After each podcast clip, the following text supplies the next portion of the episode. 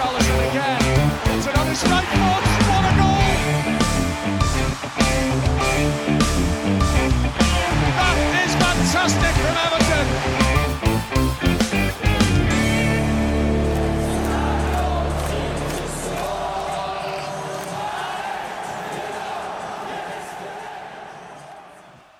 Welcome to a brand new episode of the Goodison Raw podcast. Um, you will probably hear that this episode is going to be in English. Uh, that's because we have a special guest, English guest.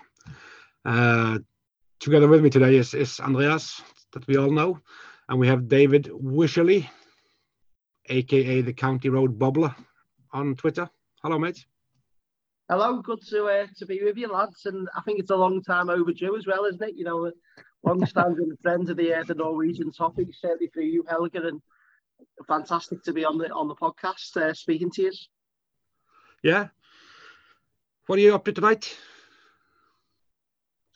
Tonight, I'm I'm frantically looking at my phone, trying to find out updates of what's going on. And to be honest with you, after the massive week, that, that you know, it's it's almost like a soap drama, isn't it? You don't know what's going to go on from one minute to the next, and obviously, you know, I think as we're speaking at the moment, we're managerless. Um, lots of rumours about who might come in. Um, uh, and we've seen uh, Marcelo Bielsa walking walking through uh, Heathrow um, this afternoon.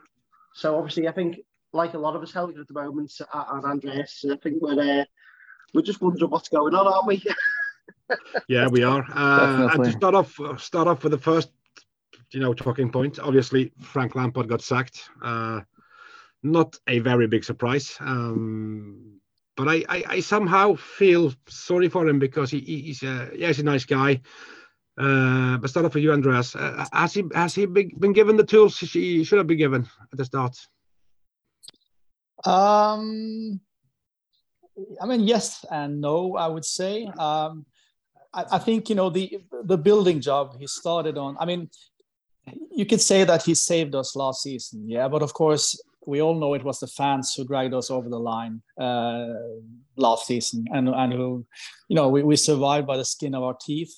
Um, the rebuilding job in the summer, you know, he, he started uh, started at the back. We got in, you know, Tarkowski, Coady, then into midfield with with uh, Onana, Gana. But of course, we missed the last and the most important piece of the jigsaw, didn't we? We relied on Calvert Lewin, and uh, we went into the season when he got injured without a striker. You know, this is common stuff. Everybody knows this, and uh, you could say that um, they didn't supply a, a striker uh, striker for him uh, in the last. Was it?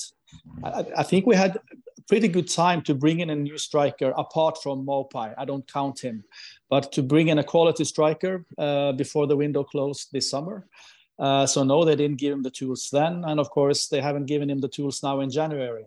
So for me, it's an yes and no question. But I think that question is moot, by the way, because you know I like Frank Lampard. I think he's a man of honor. He conducts himself with dignity, and he got Everton. But the problem is, from my perspective, that this squad, with or without a new striker, underperformed under Frank Lampard. And, and what was the style we were trying to play? You know, it switched from game to game. You know, uh, we were not hard to beat. We did not play uh, Man City football. We didn't play with intensity, no crosses, no shots. It was in, inevitable that he he had to go. Unfortunately, the results were well, you know, they were shocking to be honest with you. Um, so you know, he, he, had to go. Unfortunately, um, even though I liked him, um, but you know, had we been given the tools, yes and no. Would it have been better if he had the striker? Maybe, but we will never know, will we? Yeah. Um, and it's clear, uh, David, that he, he really, really understood the club, didn't he? Yeah, on, I had the, the pleasure of meeting Frank twice. Um, the back end of, the, of obviously the season of staying up. Uh, I mean, it's a long story, but we got a group together called the 1878s, um, which was was focused on trying to create the atmosphere. To be honest, as good as it can be, you know, we were sat in I remember, you know, sitting in a pub by Goodison and we were kind of worrying about whether if we had a coach meet, whether it would work, how many people would turn up. Um, and, you know that, that that kind of back end of the season, it, it, it was it was a really strange time. And Evertonians, as Evertonians do, come together. You know, they unite and, and, and really got back behind the team. And I think Lampard's helped that process. I really do think that he found a way to connect with the fan base. And I always say this that I think we struggled with connection with managers, you know, and I hate to use the people over the park, but they found a connection with with, with Klopp. Um, and, and I think that Liverpool's one of them unique cities where you've got to have a connection. People feel really close, you know, and I'm sure you lads to the same. When you come to the city, you feel the closeness of the city. You know, I, I know a lot of people from London who say it's just not the same as being in Liverpool because everything's connected and, and you know, it's almost like the manager needs to be part of, of who the people are. And I think part of Lampard was that. You know, I think Lampard did start to connect to the fan base. You know, I think he understood the city. He understood that, you know, the, the problems that we've been through. He understood how the fans felt. I do think there was a certain element that he was too nice um, as a person, which seems strange because, you know, as a player, he was he was right at the top top level. You know, he's you know competitive, played for sides like Mourinho and, and teams like that. But as a manager, you know, we've all met managers, and you're different. I don't know if you, you lads, are, you know, I'm sure you lads have, but it's different when you your colleagues, and all of a sudden you've got to manage staff and you've got to make a decision whether you're going to be, you know, a really, you know, a, sometimes you've got to be nice, nice, and sometimes you've got to be a manager and you've got to be cutthroat. And I just don't think Frank had that about him. So I think he connected. He had some of the parts that we expected as a fan base in terms of he understood the fans, he connected with them, he got them to unite. Uh, and when I met with him, I really felt like that. He obviously met met him at Goodison. Um, he was looking at the banners with us. We, we, we were organised for a game, and then I got to meet him at Finch Farm at the start of the season as well. And and again, I, you know, I think he really felt it. You know, he, he was connected to the fans, and he, he really, really, really wanted to do well here. You know, there was a sense from him that this was a massive opportunity for him to, to, really seize on, on, on, you know, on quite a good um, bit of momentum. Uh, but it just it just didn't work out for him. And I think I, I do think that that you know I think he was too nice at times. I think that maybe he felt he had to appease fans too. I, I remember being sit, sat with him and he talked about that he knew on social media that fans didn't like playing five at the back. He then started playing 4 3 3 and he kind of stuck with that for me for too long. And I wonder, you know, you constantly think about these things back and I, and I wonder, thinking about that, was he trying to connect too much? Uh, but, the, the, you know, there's got to be a certain level at a manager where you, you know, I'm the manager, I'm doing what I need to do, and that's about getting results. It's not necessarily all about connecting with the fan base. And it sounds strange, but I think he went too far the, the other way, and he, he needed to step back a bit. He couldn't do that. Uh, and I'm, Andres, as you said, mate, I'm, I'm absolutely gutted that Frank Lampard didn't succeed here. I think he's a really nice fella. You know, he's a man of integrity. You know, he's a man of honour. Totally. And, uh, and I wish him well wherever he goes in his career. Yeah. I, I totally uh, echo what you say there. Uh, there, Dave. I think he, uh, I think every Evertonian almost desperately wanted Lampard to succeed at Everton. Yeah, and it's it's such a shame that it didn't work out uh, for him because he would have been. I mean, if he could have been successful with Everton, uh, uh, the way he connected with the club, with the fans, and the city, it would have been fantastic. I think so. It was a real shame, but like like you said, football is a is a results business, isn't it? And um, and uh, I mean, I mean. Uh, I mean, with with the with all that we are going into now with a new stadium and stuff like this, I mean, we just can't afford being relegated, can we? So, so I mean, this is it, it, it, it had to happen, but it was a real, real shame. Yeah. And I wish him well. I really do. I, I, I wish he had succeeded with us. Yeah, I, I feel kind of the same way as you guys do. Um, the terrific, terrific guy. Um, as you said, David, he, he stuck with the with the uh, with the formation too long, uh, and he uh, he wasn't given the tools as uh, as Andreas said. So for me, uh, I understand why he had to go, but uh, got that it didn't work out. Um, but if you look at the the uh, the candidates for the job, then you obviously got Marco Bielsa, no Marcelo Bielsa, Sean Dyche, and this evening Davide Ancelotti has been mentioned as well. Uh, and I was speaking to uh, to Bas on Toffee TV just before we went on, uh, and he said that the, the newspaper Marca or Marsa or whatever it said in Spain says the rumors it is actually legit. Uh, obviously, a huge gamble, but who wouldn't be in this situation we were in, uh, David? Yeah, I've been captain to Bass all day myself actually. But um, I, I, think when when the link first dropped earlier on this afternoon, it was it was obviously a bit of a left field one. Uh, you can only rely on sometimes what you see in the media. I'm sure Andreas knows more than I do on this thing, being you know closely connected to that, you know, the circle in terms of the legal side. You know, things are, are kept close knit, so you'd only kind of get what you, you see. You know, and not quite often that's agents and people get this obviously in the media, there's agents pushing their own clients, you know, and they're all pushing narratives, you know, it's, and even when they say, you know, that such and such has, has declined the job, you know, sometimes he hasn't. They're just, it's an agent, you know, kind of trying to antagonize the, the club to, to, to actually raise the offer or to change the circumstances. So it's hard to it's hard to read between the lines and what you actually read in the media when, when things are happening like this. And and Everton, to be honest with you, they're notoriously close knit. Um, you know, I think uh, certain people in the boards have connections, in, you know, certainly Dominic King, Paul Joyce. There's, there is media outlets there that, that do have connections to the club, uh, but you you wonder why why you know why is this narrative the, the way it is? What's the story that's leaking out?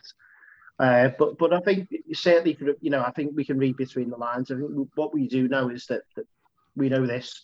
We know that Bielsa's been interviewed. Um, speaking to to, to El Bobble, uh, Mick earlier on, uh, you know that certainly that you know, and if, if you listen to the View from Poland's podcast, that that, that uh, Dyche and Bielsa have been interviewed. We've seen obviously Bielsa flying to Heathrow this afternoon.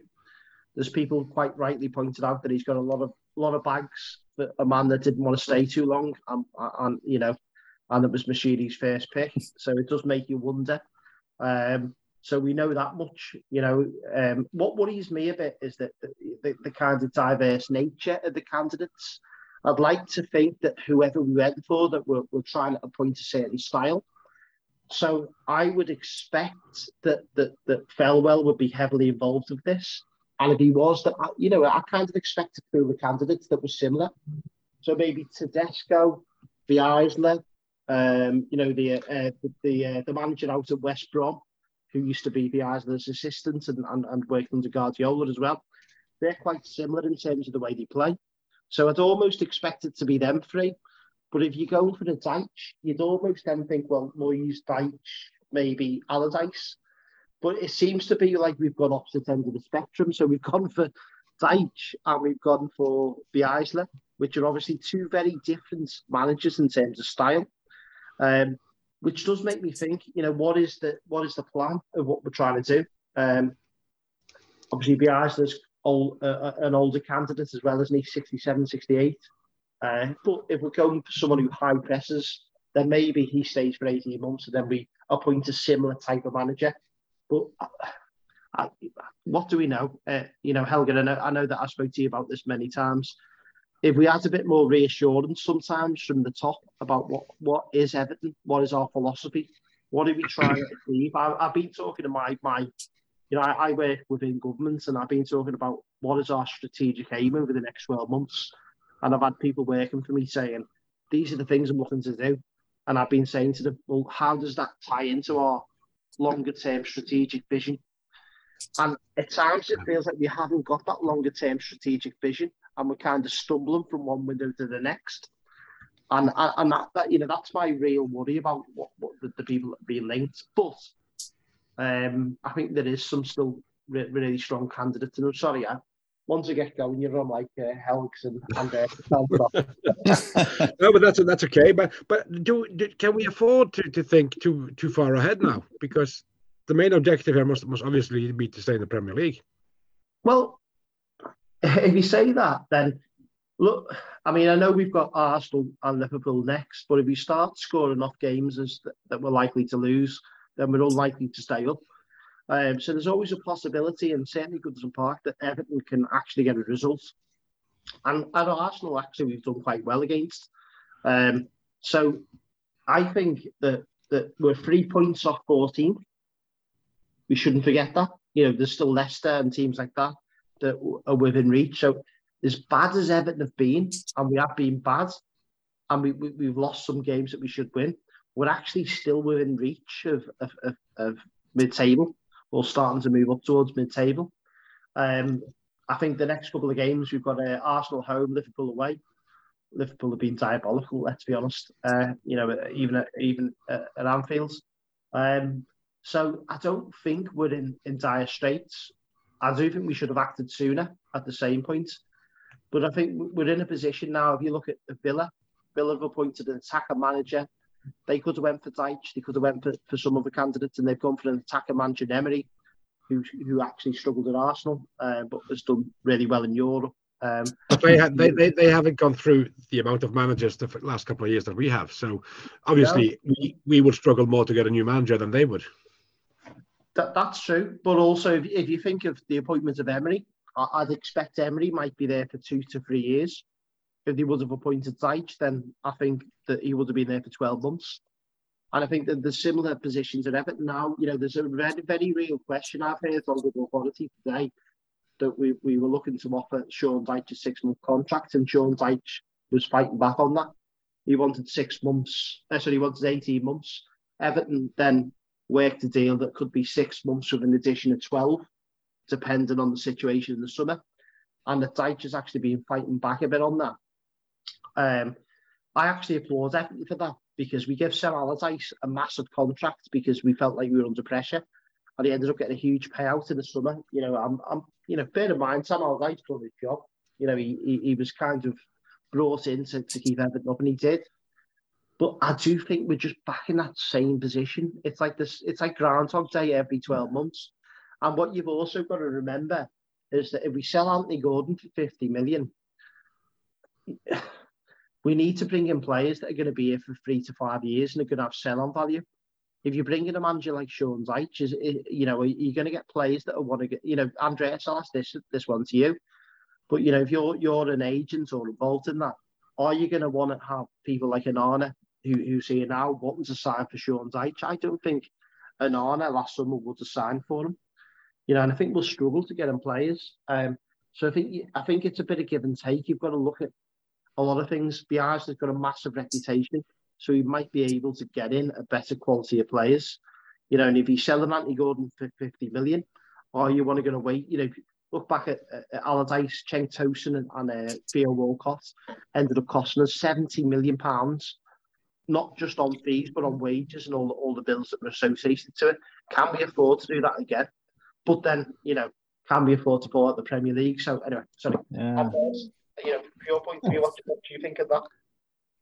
Um, I mean, you, you make a lot of good points there, uh, Dave. I have to say. Uh, before I get to the manager issue, on your last question, yeah, for sure. I mean, um, I mean, a more famous or you know household name, either as a manager or as a former player, will of course be able to attract um, bigger names and other type of players than maybe your Sean Dyches of this world. But of course, if Sean Dyches of this world were to lead a successful club, be it Everton, very successfully towards the top of the league, then of course the pull of the uh, where the club is and the name of the club will sur- sur- surpass that of the manager, if you know what I mean. So, so this is. Uh, Andres, can I ask yeah. you this?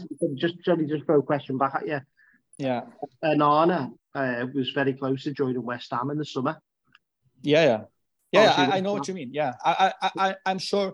I mean, I think Onana signed for us over West Ham because of Frank Lampard. I have to say that. That, that that's my, my my my take on take on it.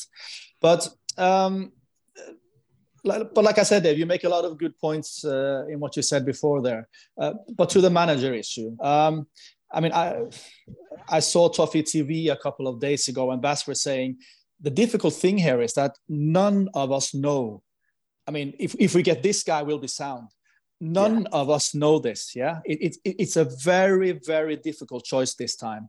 And of course, it's difficult because do we look at the short term just to stay up? Do we look at the midterm? Do we look at the longer term? What do we do? But from my perspective, I mean, I've been following Everton for 40 odd years, yeah, and we have to get back our Everton DNA regardless of the manager, because now we are soulless on the pitch. We have to get back our DNA. And what do I mean by that? We have to get back to be hard to beat, to play with intensity, get shots in, get crosses in, get headers in, be a nightmare to play against. And even our most successful teams, even the team that was called the School of Science in the 60s, were a nightmare to play against. They were hard to beat. In the 70s, we were. In the 80s, we were when we were successful. In 95, we were. In, in the Moyes' best years, we were a nightmare to play against and we were hard to beat. That is the Everton DNA to play with intensity and to be hard to beat. Regardless of the manager, we have to get back to our DNA. For, for, from my perspective, that is the most important thing with this um, this manager search. Andreas, so yeah, honestly, I couldn't say it say it any better myself. That was uh, spot on. But but if if we look at the candidates, then uh, obviously Sean Dyche is is like a short term thing. Uh, I think it was Bass on Toffee TV. Uh, I thought he made a good point today. Looking at Bielsa, if he takes the job now, is that the club sort of preparing itself for, for the championship next year and, and to, to push the big reset button because obviously in the championship the financial fair play wouldn't wouldn't count so if we bounce back up again the financial fair play is is is, is uh, starting all over again and, and, it's it's a new start for us in, in, in many ways I mean, surely they can't. I, I understand that about the FFP, but surely that can't be Everton's plan. I mean, from, from my perspective, it will be catastrophic for us to to be relegated. I have to say this. I mean, I know mm-hmm. people say that maybe that's what we need, and maybe we have to get down and build again and go again. Sure, if we go down, that's what we have to do. But from my perspective, we have to fight tooth and nail and fight with everything we've got to stay up in the Premier League. That's my that, that that's my view on it. So surely that can't be the club's plan, because no. there is no there is no guarantee that we will that we will bounce straight back up. And if we don't, well, yeah.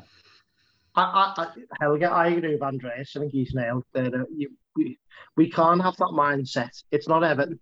You know, going back to Andreas's point, you know, he's so passionately made before that. Not, you know, we, we've got to get back to what we are as a club. Yeah. You know, and yeah. And, and, and, I think we've lost a bit of that over the years. And, you know, I don't know how it's happens uh, but it shouldn't have happened. Um, I don't think that appointing Bielsa would be a step back. I'll be honest with you. I think that you, what you what you find on social media, people cling on to narratives. So whatever someone says, people cling on. But there's you know the, the uh, without, without the black and white, there's a grey area. You know, and I, I listen I, I listen to, to Tim Vickery talking about the uh, Bielsa before, and you know, and Tim Vickery's the South American expert on, on, on the you know these things, and you know he, he's the fella really to listen to when he talks about these things. And he he said he doesn't really think it's a big issue about Everton not having exactly the players that he wants. And let's be honest, it's always going to be Everton's squad is made up of six managers, players, you know, in yeah. different styles. It's always going to be, you know, a, a square peg in a round hole. It's always going to be that way obviously the issue is then mitigating that and trying to find you know somewhere in between that gets the best resolution to, to get to where we need to be there's also a bigger factor that you know we don't want all of a sudden pout we paid 35 million out before Frank, Frank Lampard on managers in terms of releasing managers early, uh, cancelling contracts.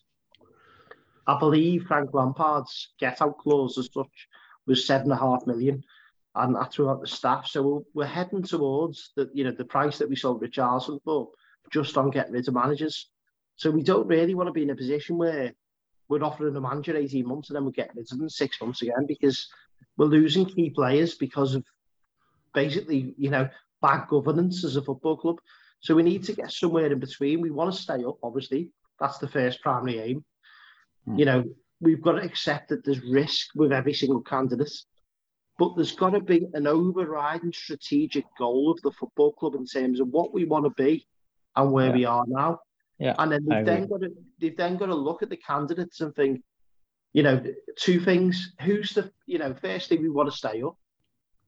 Secondly, you know, we've got financial restrictions that are very real until we get into Bramley-Moore. Uh, and thirdly, you know, we, we, we've got to we, we've actually got to move towards a way that we want to play eventually because we can't keep stumbling 12 months to 12, six months, buying bits and parts of players that, you know, that we then go from one style to the other. So, you know, it might be that actually we go Bielsa uh, because we're not looking at Bielsa in, in two years and three years. He might do the trick because he has a 12 month rolling contract notoriously that he comes in he gets, you know, let, let's be honest with you, right? The, the players aren't where he is, and and um, and Tim Vickery says this before, but he gets 25% extra out of everyone he manages, and it's always a challenge for him to get that. He, he, he gets satisfied off bringing players up, and you know, there's no pass passengers, there's nowhere to hide, and he will get, you know, even if he has to, he said before, even if he has to use youth players, he will use them uh, because you know he'll get runners and, and there's rumours obviously Gordon's going, so we could potentially bring in four or five players anyway. Uh, but if, if it means bringing him in for 12 months, review it, then might we maybe then look at Tedesco or a high pressing manager. But what we're not doing is we're not going backwards to go forwards. We're actually going, you know, we're we're actually going forwards, not at the rate we want. But you know, the next manager will benefit from the players we sign now because you know it's the same direction, it's the same strategic vision. Uh, you know, and it is more of a chance, and you've got to take a bit of a risk, maybe. And for me, if you got Sean Dyche, would you trust Sean Dyche with fifty million pounds if we sold Anthony Gordon? honestly, honestly, honestly, I, will ask any Evertonian this: Would you trust Sean Dyche with fifty million pounds? And people will say to me, well, he's never had 50 million pounds. But no, he, he, has signed players, you know, that, that, that are a bit more of value. And if you look at David Moyes in the summer, David Moyes, who was, who was level on points with us up until the other weekends, had spent 200 million in the summer. You know, he, he bought Paqueta in, he bought uh, Scamacca, he brought a lot of high profile players and wasted it and put up the put up against the drain. You know, and, uh, and if he lost at the weekends, David Moyes would have lost his job, as it as it is yeah. Frank Lampard. But this yeah. is the, the situation. If, you know, you've got to look at the long term goals of the club as well. Yeah. And the thing is, if they both have lost their job at the same time, I think Moyes would have come in. I think he would. I, I would. I, I, I, honestly, I, I wouldn't out you on that. I think you know all the candidates that. I think it was being a safe appointment, but would you again? I'll ask you obviously this, uh, Andreas and, and Helgs. Would you trust Sean Dyche with fifty million pounds? I don't know if I, if I would have trusted the board, our board with 50 million quid to, to find up some finals players because you know they haven't but, delivered I mean, for the all these years. So I think it, it's I mean it's an interesting question, but you know, for me, I mean we, we I mean we have the squad we have now, you know, and it, it, true, it's put together by six managers. But I think with the Sean Dyche issue is, would I trust him to make us hard to beat and to get enough points to stay in the Premier League? That's the first question. Well, and I'm, and then I'm, yeah. based on that, fact, yeah. let's rewind twelve months. Burnley had that question, very question. So this was a side that yeah. he put together over four years. Yeah you know, aside um, that, you know, all the players that were in that squad, you know, he carefully picked and selected. But for whatever reason, Burnley, Burnley's hierarchy, obviously, they had a change of ownership. That you've actually had a big shift in terms of how the, the club's operating. But they decided that Ben Mee was better to put in charge for the for the last part of the season than, than leave Sean Dyche there.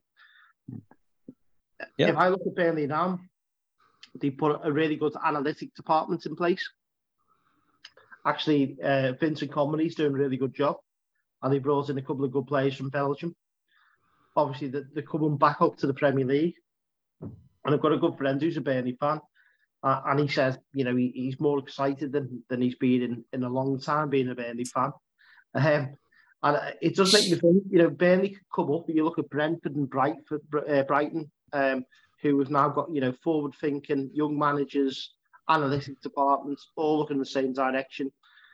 It almost feels like we're, we're, we're you know we're going back to the future again uh, uh of a point. You know, go you know where we, for me, I don't know. Maybe I'm just caught up in this, but I, I just think that we just keep going back to just firefighting six months, and we're not really looking at the bigger picture. But yeah, but uh, but but but the thing is, you know, um, and back to the point that you know neither of us really neither of us can be sure about anything now because it's such a difficult appointment. And some managers just suit certain clubs you know? I mean for for all we know sean dyche like david moyes you know could just be perfect for everton. I mean take david moyes. I mean he i mean certain managers suit certain clubs, and David Moyes suited Everton. Nobody, nobody will convince me otherwise. You know, he saved us in 2002. We were in even dire straits when he came in in 2002, and he saved us. Uh, and, and he built a team uh, up until 2030. I mean, what wouldn't we give for the last five or six years with David Moyes now? You know, I mean, he he he he he got the Everton DNA. His team played with the Everton DNA. He always beats the team around us and lower in the table. Yeah, which means yeah. And, my, my point is that maybe Sean Dyche is exactly this, you know, regardless of what happened with him in Burnley. I mean, maybe, I mean, this is just, you know, um, all theoretical, but maybe Sean Dyche would be perfect for Everton. We do not know, you know. So, so my, my, my only issue with this manager hunt is I want somebody to come in, regardless of who it is, to bring back our DNA, make us hard to beat, and make us stay up. And that's that, the difficult job that the club has now. I think you you raise an excellent point, and you look at like like a Steven Pienaar, uh, you know, Dortmund, Ajax, Tottenham. He was only ever good at Everton. It just yeah. fitted the culture, yeah. the, the, way the club is. Yeah. And yeah. I mean, you raise a really good point. You know, that you know, it, it, it just may just fit and, and you know, and there's and that, that that's impossible to kind of predict at times, isn't it? But yeah. yeah. But, but how how about the, the third candidate that that showed up tonight? Uh, obviously, David Ancelotti. Uh, he's he's uh, he's got a UEFA Pro license at 33. He speaks five languages. He's been a part of the staff that have won titles in France, Germany, and Spain. And he's been at Everton before, and he knows the club, and he knows what it's all about. Obviously, a massive gamble, but every manager is a gamble this late in the season. Stop with you, Andras. Like I said, if he can do uh, the remit, the remit that I just mentioned, sure. Uh, I have to admit that I, I, think that would be a, a, gamble. But again, you know, if it's his father's son, and uh, if the apple hasn't fallen uh, very far from the tree, uh, this could be a a genius of an appointment, you know. Um, so so so so who knows? But you know, who knows what's in this uh, this rumor? Um, but you know, maybe maybe he's he's also what we need. I, I, I don't know. I don't know. But but you know, from all the names mentioned, he's uh, he's kind of a. Uh, a rumor coming in from the left, isn't he? So uh, we'll just have to wait and see on that one. Yeah. How do you feel, Rich, about Ancelotti Junior? I do, Andreas. You know, it's obviously we didn't see see this rumor come until till late tonight. Um, I do I do reflect on the fact that when we got to a position where oh, Ancelotti was appointed, um, obviously Arteta was linked at the time, and I, I was probably one of the people saying he's got no management experience and and actually that there was two decisions. There was someone with no management experience, and there was Carlo Ancelotti, and I was favouring Carlo Ancelotti. Um, so I do reflect on that a little bit, and, and I think to myself, it's not a hard and fast rule, obviously, because Arsenal were in a, a, much better position. You know, the, the finances were, the recruitments, you know, so it's not that easy to say, you know, but I, I, I do reflect on that and think that I don't think you can just write them off because Arteta's shown actually that he could win a Premier League um, in, in, almost a two-horse race because Pep Guardiola and Klopp have, have, have, kind of dominated this space for a long time. And he's just come from nowhere, um, being given time and a bit of patience because I think continuity is important. I know Andreas mentioned it before, uh, but you know, I think if we if you keep sacking managers every six to 12, 18 months, you never get anywhere because you constantly reinvent the wheel. Um, so you know, I think there's a lot to be said about appointing someone, backing them, and believing in them. You know, and sometimes you've got to go back to go forward. I don't advocate Everton going down to the championship. That can't happen. But you know, I, I think at some stage we, keep looking at Brighton and saying, you know, why don't we do this? Why don't we take a risk on a player? Why don't we, you know, this player, you know, none of us know when when they buy him. I, I watched them, you know, as a, a left back called uh, Bueno. He was like skipping past our, our, our, midfield. And I think I've never heard that fella. You know, I was watching them kinds of live at Goodison and and I think you know they're, they're doing a job actually where they're not really caring about what the fan reaction is. They're just buying people that they know or they believe that can make a difference. So I think Evan have got, got to get to a point where we're securing ourselves. We know what our long term strategy is. And actually, you know, we're looking at someone and thinking, you know what? He fits what we want. So we're going to take a chance on him. Is David Ancelotti that man? And, and it is the time right now? That's the big question. But Andreas Helgs, do you know that? You know, do you know Everton's long-term plan? I don't. you know where we're, looking to move towards. So it's nobody knows. To actually, you know, to actually, uh, you know, put put an answer on that one. But you know, the man that should is Kevin Thelwell. Is he the man picking the, picking the next manager? We don't know. Uh, but yeah, we've got to hope that we're doing the right things. Yeah, we should. Uh, and before we, we leave this manager thing, uh, quick questions. Uh, starting off with you, uh, Andreas. Of these three candidates, who would be your pick?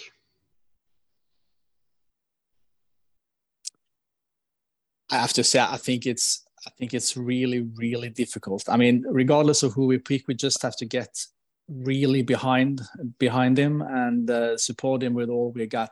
But you know, if push comes to shove and I have to give an answer, I would go for Dyche. I would. I would. 442, hard to beat, intensity. Yeah, I would. Which? I don't know if David's in play. Um, and I think it's a bit too late in the game. If he was interviewed quite early, then I'd say him. But I'm a huge, well, one of my favourite books is Angels with Dirty Faces. So if anyone knows me, I'm a huge fan of Argentinian football. And I had a lot of money on, on, on firstly, Argentina winning the World Cup. Uh, obviously, didn't get uh, the golden boot with Messi, which I hoped as well. Um, so it won't come as any surprise that I'll say uh, Bielsa. Um, it's ironic really because I always talked about this and I started watching Leeds games a lot when, when he went to the championship with them. And I actually said to, to our supporter group on our, our kind of chat, I wouldn't want him to be Evan Manchek because I like him too much.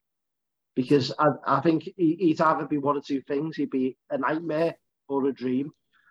Um, and and I, I really worry that it'd be a nightmare for us uh, because his personality. Uh, but I'm at that point now where I go to Goodison every week. I've not been enjoying going. Uh, actually, meeting the fans before the game has has been better for me than actually going the game itself. And I've lost a bit of love. You know, I've had my season ticket now for decades. Um, you know, I'm, uh, Andreas, I'm, I'm 38, so uh, you've been in Evertonian longer than I have. Um, but you know, I've, I've, I've got to the point now where I, I'm struggling leaving my house and, and, and thinking I'm, I want to enjoy going the game. And that shouldn't be the case. You know, I think the last time that happens was was Sam Allardyce. I, I really, really, really struggled. I almost felt like I didn't want to leave the pub on County Road to walk down to the grounds. Um, and I don't want to feel like that. I want to enjoy football. You know, I want to enjoy Everton. Um, yeah. I, I, and you know, I, I understand the challenges of staying up, but I also really want to enjoy support my football club. Um, so for me, I've gone with Bielsa simply because I just want to want to see some good football. You know, I'm paying a lot of money. Uh, the cost of living in, in the UK at the moment obviously is sky high. You know, it was a very real question for me, even though I've been a season ticket holder for over a decade. whether I could keep me tickets, but that that's my release, and that's that's me one thing of in my week. You know, a hard week, I, I get to go and watch the game, and and and to be a Goodison and watching anti-football is not what I want. Um, so I, you know, I, I hope I hope that that that Bielsa keeps us up and, and we play really sexy football and we can enjoy it again. Uh, but I don't I don't want to bank for Sean Dyche because I think there's every there's risks with every one of them. Um, you know, and I, I, so that's the anyway. Uh, yeah, I mean, I mean, I mean, good points there. I, from my perspective, it, this squad needs a shaking up. You know, they need somebody to get in and tell them some home truths. Because regardless of the manager, I think the players are sleepwalking towards relegation without a care in the world, from my perspective, and they need someone to come in and give them a proper bollocking. Yeah. And uh, you know, uh, and in, I mean, do Bielsa I really respect him as a football person, and and I love to see his teams play when it clicks. But but does he need a full preseason maybe with a squad to to to get his full stamp on it? Do we have time for this? That's well, my worry. well, that's, that's, my, my worry. My, that's my worry as well regarding him. I think that's an excellent point, and and this is my big bugbear is that really we had the World Cup, um, you know, and it was a unique opportunity really to give six weeks for the Everton squad. Um, and I think almost again what we're saying is that, you know I think Farhad Moshiri is quite responsive. Obviously, I was one of the ones that drafted a letter to Farhad Moshiri, and he responded. Um, I think that he's quite responsive to fans. I think he worries about his public image. Um, and I think that he really reacts in terms of appointments and, and you know who he sacks or who he hires, depending on how how fans feel. Um, because sometimes he's a bit detached, and I, I, you know, I think that I'll, I'll worry about who's obtaining, but I think that if they were going to appoint Bielsa, I think Andreas is correct. It should have been, you know, for me in November. I give him six weeks. Let, let him do the, the yeah. whole murderball stuff. You know, uh, so so you're almost right. If we're appointing him now, you're almost writing off uh, Arsenal. Uh, yeah. Liverpool, you might get lucky because he's a lunatic. Uh, but you, you've, you've almost got to get him up to speed in three weeks because there's then four fixtures yeah. that we need points from, and we absolutely need but, points from. But, but I mean, let's be let's be realistic and look at the numbers here. Yeah, Let, us say that we appoint Bielsa and, at, and and that he needs these three weeks. Yeah, or four weeks maybe. Let's see. Let's say theoretically that we lose to Arsenal and Liverpool. Okay, let's let's say this. Okay. Yeah. Then then there's 16 games left, and of those 16 games, for a team that has won three games, which is diabolical all season, we have to get seven wins, three draws, maybe maybe four draws, to be able to stay up. I, I, I mean, this is uh, this this is the, this is these are the numbers, yeah. And, and again, I just worry that it will take too much time with Bielsa. That, that's that's my only worry. Yeah. We, we mitigate risk back is is that I worry that Sean Dyche will get too many draws and not wins. Yeah. Yeah, yeah sure. I, I don't think we score enough goals, uh, and I don't necessarily think he'll all of a sudden make Everton a unit that we don't, you know, we're talking Sean Dyche's Burnley. He spent years building them, and he had his own players. So he's, he's going to have to pick up a squad by all means, but he's never really done this. And people say, well, he's done good at Burnley, but he's never really just picked up a strange squad. And, and you know, obviously, if you look at right, he's got Tarkowski and Keane, so he's got two centre halves he's worked straight away. Uh, Keane's on 120 grand a week, uh, and he was going to be leaving in this window. So I'm assuming then he keep him. Um, so you know, potentially lost a lot of money straight away there. Um, I, I, I don't think you like Godfrey or Holgate, just simply the not type of defenders.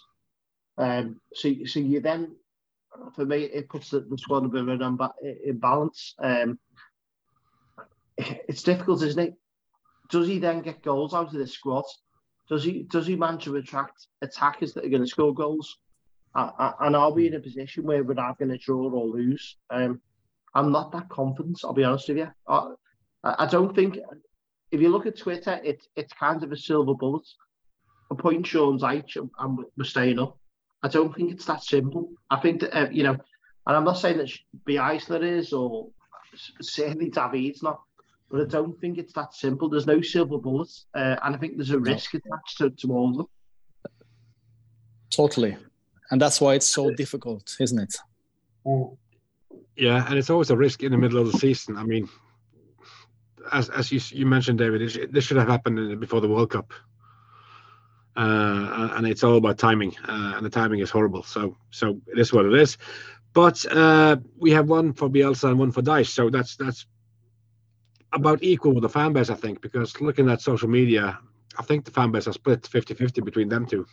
Helge, what are you going with? That's what I want to know. yeah, yeah. Uh, you know, you know what? I'll be honest. I'll be honest. I, I, I can't decide. To be honest with you, I cannot decide. I'm a, I'm a little bit afraid of of uh, Bielsa. You told me Sean Dyche before on sex, so yeah, I did. Yeah, I did. Yeah, and that that is because I I think Bielsa needs more time, uh, and I don't think we have time. Down to that. It's a fair thought but but I think that you know I, I agree if you look on social media I think it's a bit 50-50 but the thing is the difference from last year with Pereira and Lampard is that if we appoint either of these two this time the, the I mean the 50% that kind of supported the other guy before would get behind him straight away.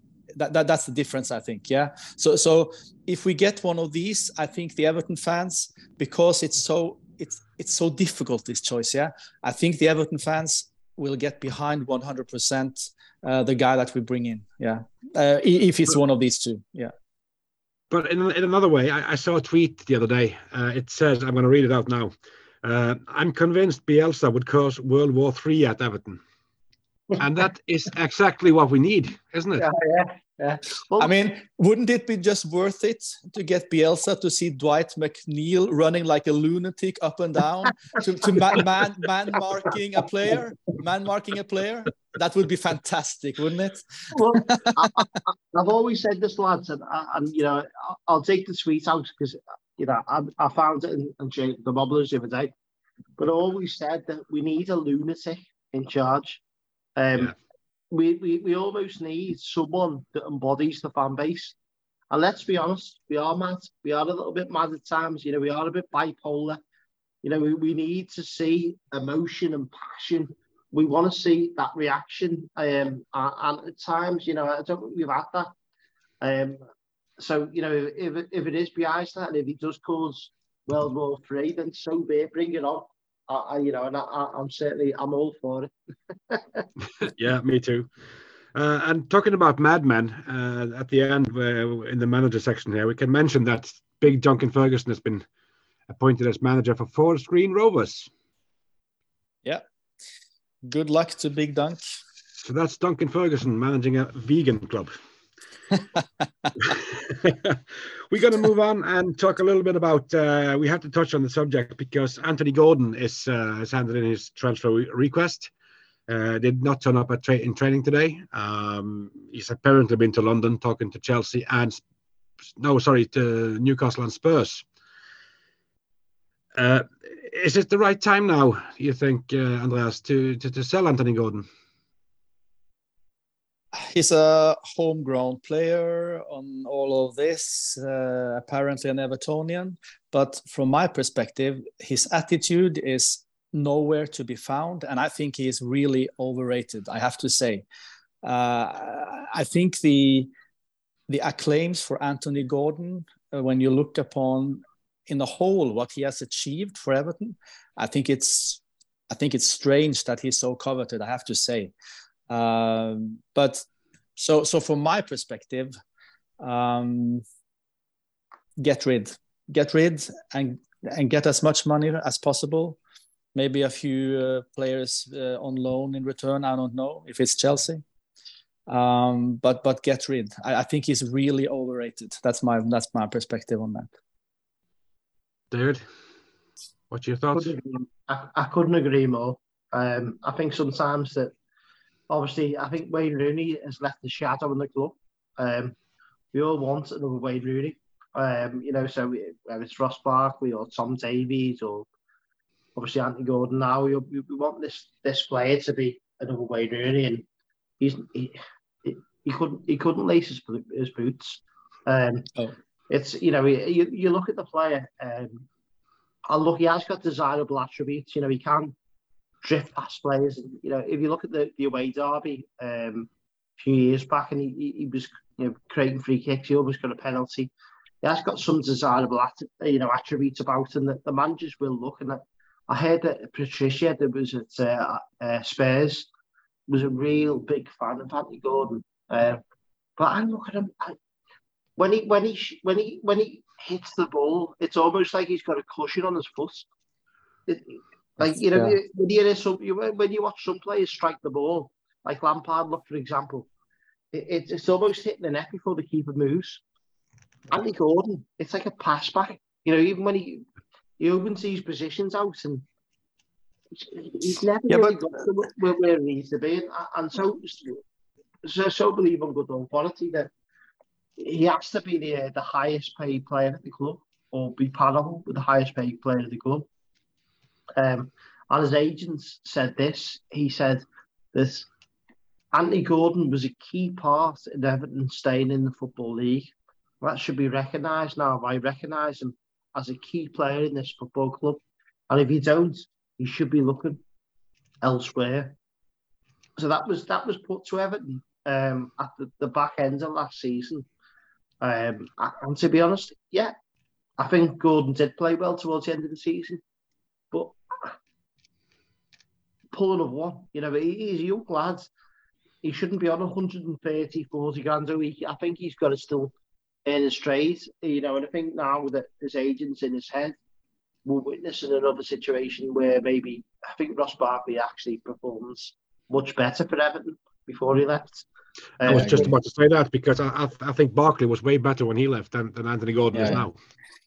I mean, the thing with Gordon is, have you ever seen a player with so little end product? Yeah, he has he has got pace. He might be able to drift past some players, but have you ever seen a player who makes so many wrong decisions in the final third? I haven't. I mean, this is of course the problem with many of Everton's players, but I think with Gordon especially, I have to say that. So for me, yeah, get rid.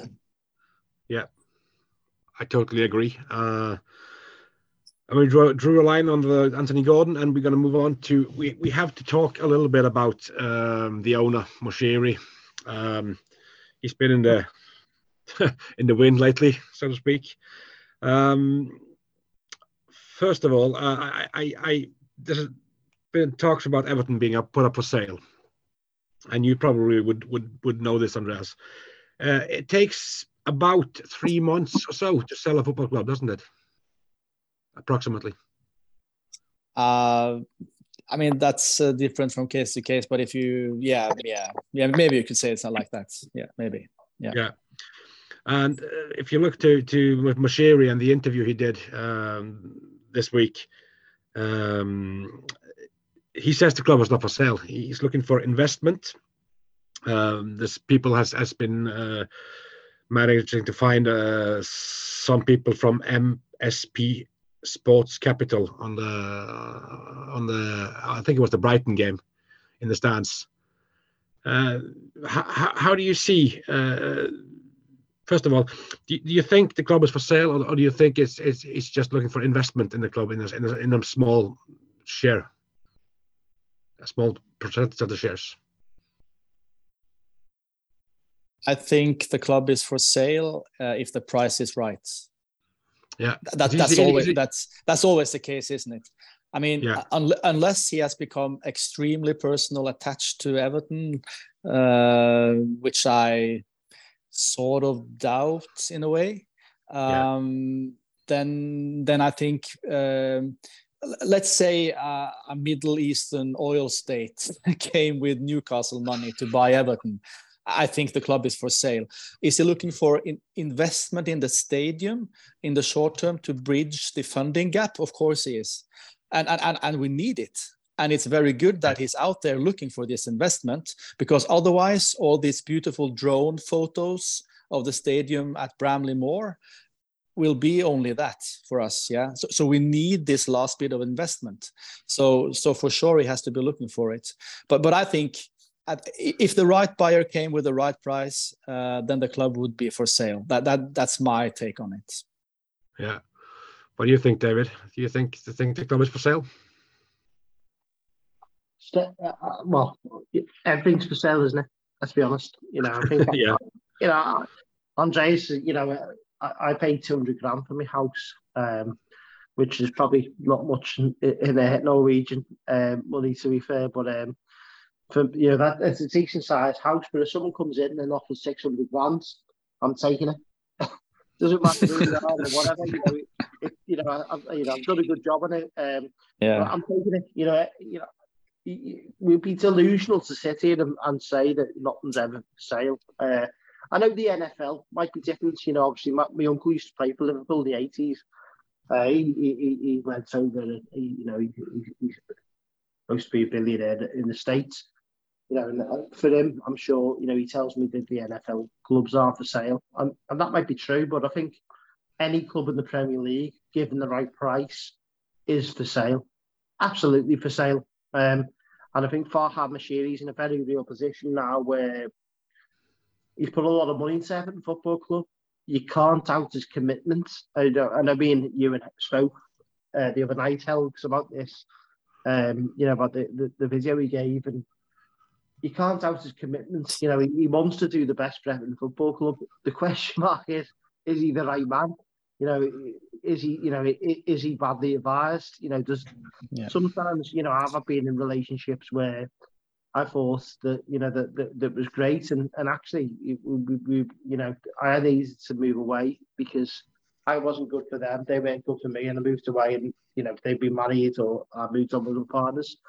I think sometimes that Farhad Moshiri thinks that his love for Everton is enough, but is it the right love? Is he given you know the love that this football club deserves? Um, and I don't think he is. You know, I think I think it's misguided at times.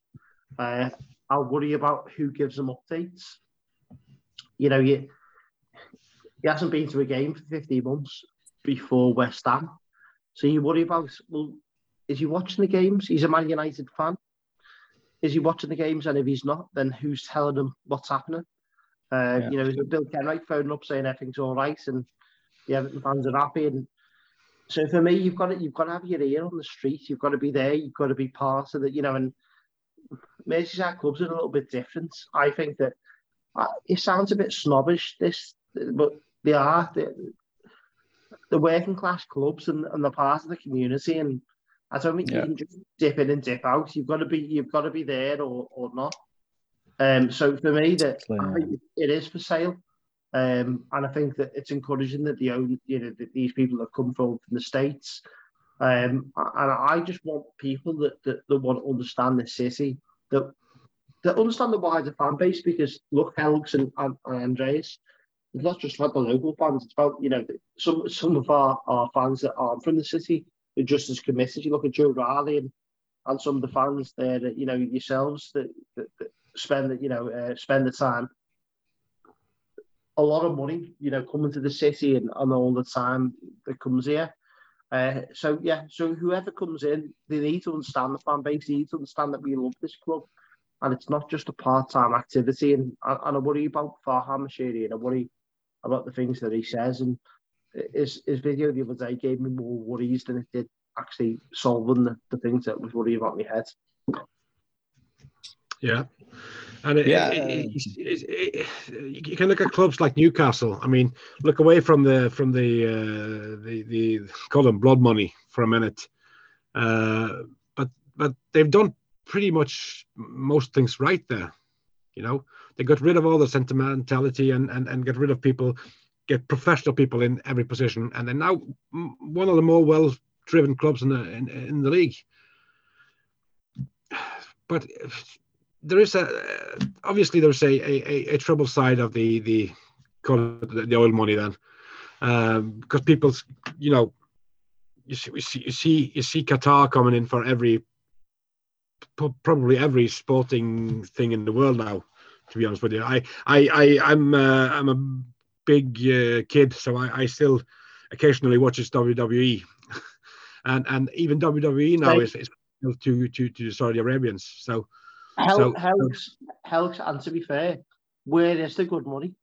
Yeah, it's like do you want to be owned by by um, you know obviously Liverpool's owned Standard Chartered uh, we're linked with terrorism. Um, you look at uh, obviously Newcastle's owner Saudi Arabia for head and journalists. Um, you look at uh, Everton's owners linked with um, you know Russia, all, all the atrocities there. To be fair, other than where are you turning? You, you don't get. Yeah. Where, where, where, where, yeah. do, where, do you, where do you draw the line? You know that that's so yeah. difficult, isn't it? So uh, I, I agree with that. It's um, but regarding Moshiri, I mean, like you like you said, Dave, there you, you can't fault his commitment money wise. He's put a lot of money into Everton Football Club, and let's just theoretically say for a minute that Everton have been you know, we have bought the same players. He has put the same amount of money in, but instead of being dross, we would have been successful with these players. Yeah. I mean, would anybody have been complaining about how he ran the club? No, they wouldn't. So, from a certain perspective, some of the animosity is, of course, fueled by how badly we have been doing. No, so I mean, you you have to you have to have that perspective also, and and I, and I agree with you. I think I think he generally wants to do well for Everton, yeah, and and he has got affinity for us, I'm sure, after owning us since 2016. The only question, of course, is, like you said, is it the right love? Is it? I mean, because sometimes even the best intentions goes wrong, don't they? So, yeah. and, and it just hasn't worked for Moshiri at Everton, yeah. I mean, the I mean the data is there for all to see, you know seven managers. I mean, it's it's it's it's, it's ridiculous. So, yeah, Helge. There's a saying that love turns you blind sometimes, and and, and that might be the case here then, because he he. he well, my problem with him is is his his unconditional trust in, in the likes of Bill Kenwright. You see, yeah, that, that's in another the, issue. In, in, in, the interview, he, he he's basically saying that that he, he, he it's Kenwright who decides who players we're going to bring in. Well, and and to me, to me, that that that lights all the lights for me, the warning lights. Well, that's that's worrying. There, there was a thing with um, obviously Dave Kelly the other day with Soft, Toffee TV. Um, yeah, I saw, I, I, saw it. I saw it. Yeah. And look, time waits for no man. You know, it's the Premier yeah. League's a tough place. It's yeah. you know, it's a billion pound industry. It's it, it's a place that you know that you just can't. You know, the second you sleep, you fall behind. Uh, I, and we're talking about the chairman now, and, and look, that, that apparently, from what, what Dave Kelly said, that they can't see. You can't read documentation. Um, yeah. Yeah. And, and look, you know, if that comes back, then, you know what I mean? That, that, that's another issue. That Let's review it then. But we've got the smallest board in the Premier League. We've yeah. got four on the board. We've got one non non executive. Uh, and one of the highest highest paid one highest pays as well in the Premier League based on the numbers that we've got. So yeah. we've got to be real questions asked. Um, and I'm sure, you know, to be fair, these investors that are coming in will be pushing this. They'll be saying, well, if I'm putting yeah. in, you know, however many million um, and I want a stake in the company, I want to know what this fella's doing or, or this person's doing. You know, I want to know yeah. Um, and, and I think we, we're being in a bit of a malaise at the, uh, you know, at, at, the present time. Uh, and I think that's really starting to flare up now. And and that, that kind of reflects it's, you know, what you've seen it what you've seen on the pitch, you have the recruitments and, and the players and the symptoms, aren't they? The root cause of the actual, you know, the actual lack of vision and strategic think, direction. I, I, think what what's what's strange for me with Kenwright is that I mean, okay, he's up. I mean, he's obviously an Evertonian, and, and he's, from what I hear, a nice guy. But the thing is, we are Evertonians and we are nice guys. That don't mean that at the present time we should be chairman of Everton Football Club. Yeah. Uh, and the thing, and the thing is that if he loves the club so much and is this big Evertonian that he says, surely then you should step down if your health or if your age isn't up to scratch because then you're only detrimental to your own club and, and that's what i don't get with kenwright why is he still the chairman at that age and and if if uh, the information about his health issues are correct. I wish him all the best. But then he shouldn't be the chairman of a top uh, Premier League football club like Everton. That, that that's just my that, that that that's just my question with Kenwright. I have to say. Andreas, you spot on, and you look at the rest of the board. Then it's um, obviously Denise uh, has been kind of promoted within the community charity. So, so you you basically got obviously Bill that's been there for some time. You got Grant, uh, who's been demoted and promoted again. Uh, Grant's a finance guy, uh, and actually um, Graham Sharp's getting a bit of flack now. Yeah. who, to be fair, of all people, you know, he shouldn't be in a, in a position where he's getting flack. But this is the board of Everton Football Club. You know, it's you look at it and you think, what's going on? It's 2023 now. We should have a, you know, the money we put into this football club, and Johnny Farhad Moshiri should be saying this, this, this board of directors should be the most competitive, demanding board around for the money that they're in, and for whatever reason, it's not. But I mean, of course, unless, and me and you, Helge, talked about this yesterday a bit, unless, of course, they are all just puppets, just put in positions, and Farhad Moshiri makes all the decisions. You know, if that's I mean, the scenario, I mean, if, if that's a scenario, you could have four cones in the board. You know what I mean? if, if so, this could have been a normal normal commercial company, uh, I mean, if, if a board has been sitting for so long and lose the amount of money that Everton has done, yes, it would be removed a long time ago. Uh, so, and that's that's a very good point, Helge. I mean, yeah. so, look so at the look at the losses for the over the last couple of years for it's, Everton. It, it, it's absolutely horrible, and it's that's what what makes you know to finish off what we started with the with the manager. I mean, do we trust these guys to find us a new manager? I don't, um, but uh, um, that's my personal opinion. I mean, at the moment, I wouldn't trust them to find their way out, out of a wet paper bag. To be honest with you, but you know, we we are where we are, aren't we? So we'll just have yeah. to wait and see. Well, Andreas is right there. Look, I, I appointed someone this year.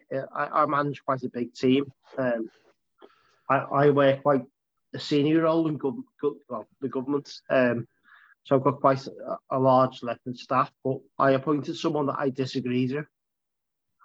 Um, so there was a lot of people I could have appointed that I agreed with, and, and they would have been all right for me um, in terms of, you know, it wouldn't have given me a hard time. But I appointed someone that I disagreed with, and the reason I done that because, well, firstly they had the, the capabilities, they had the, you know the experience, well, actually they wouldn't challenge me.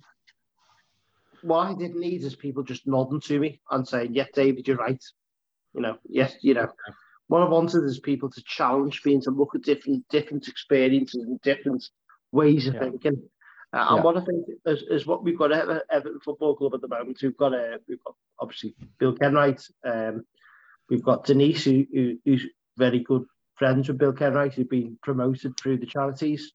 Um, we've then got Grant Ingles, a long time friend of Bill Kenwright, who's been back and forth through various roles and Graham Sharp, who, who's become very comfortable with Bill Kenwright. But you need, for me, and even in my role, I, I mean, I'm head of comms for 78,000 staff, but you need people that challenge you, that make you think different ways. And if you get to a situation where it's an echo chamber, then you're in a, a very dangerous situation because you don't yeah. want to hear the criticism and you actually just look internally for, for people that actually cement the position that you're in. And sometimes that position might be detrimental. Yeah, yeah. totally. Yeah, that's correct. And that's going to be the last word for, for, for the podcast. Uh, David and Andreas, thank you very much for, for joining us. It's My been pleasure. a pleasure. So uh, until next time, see ya. You.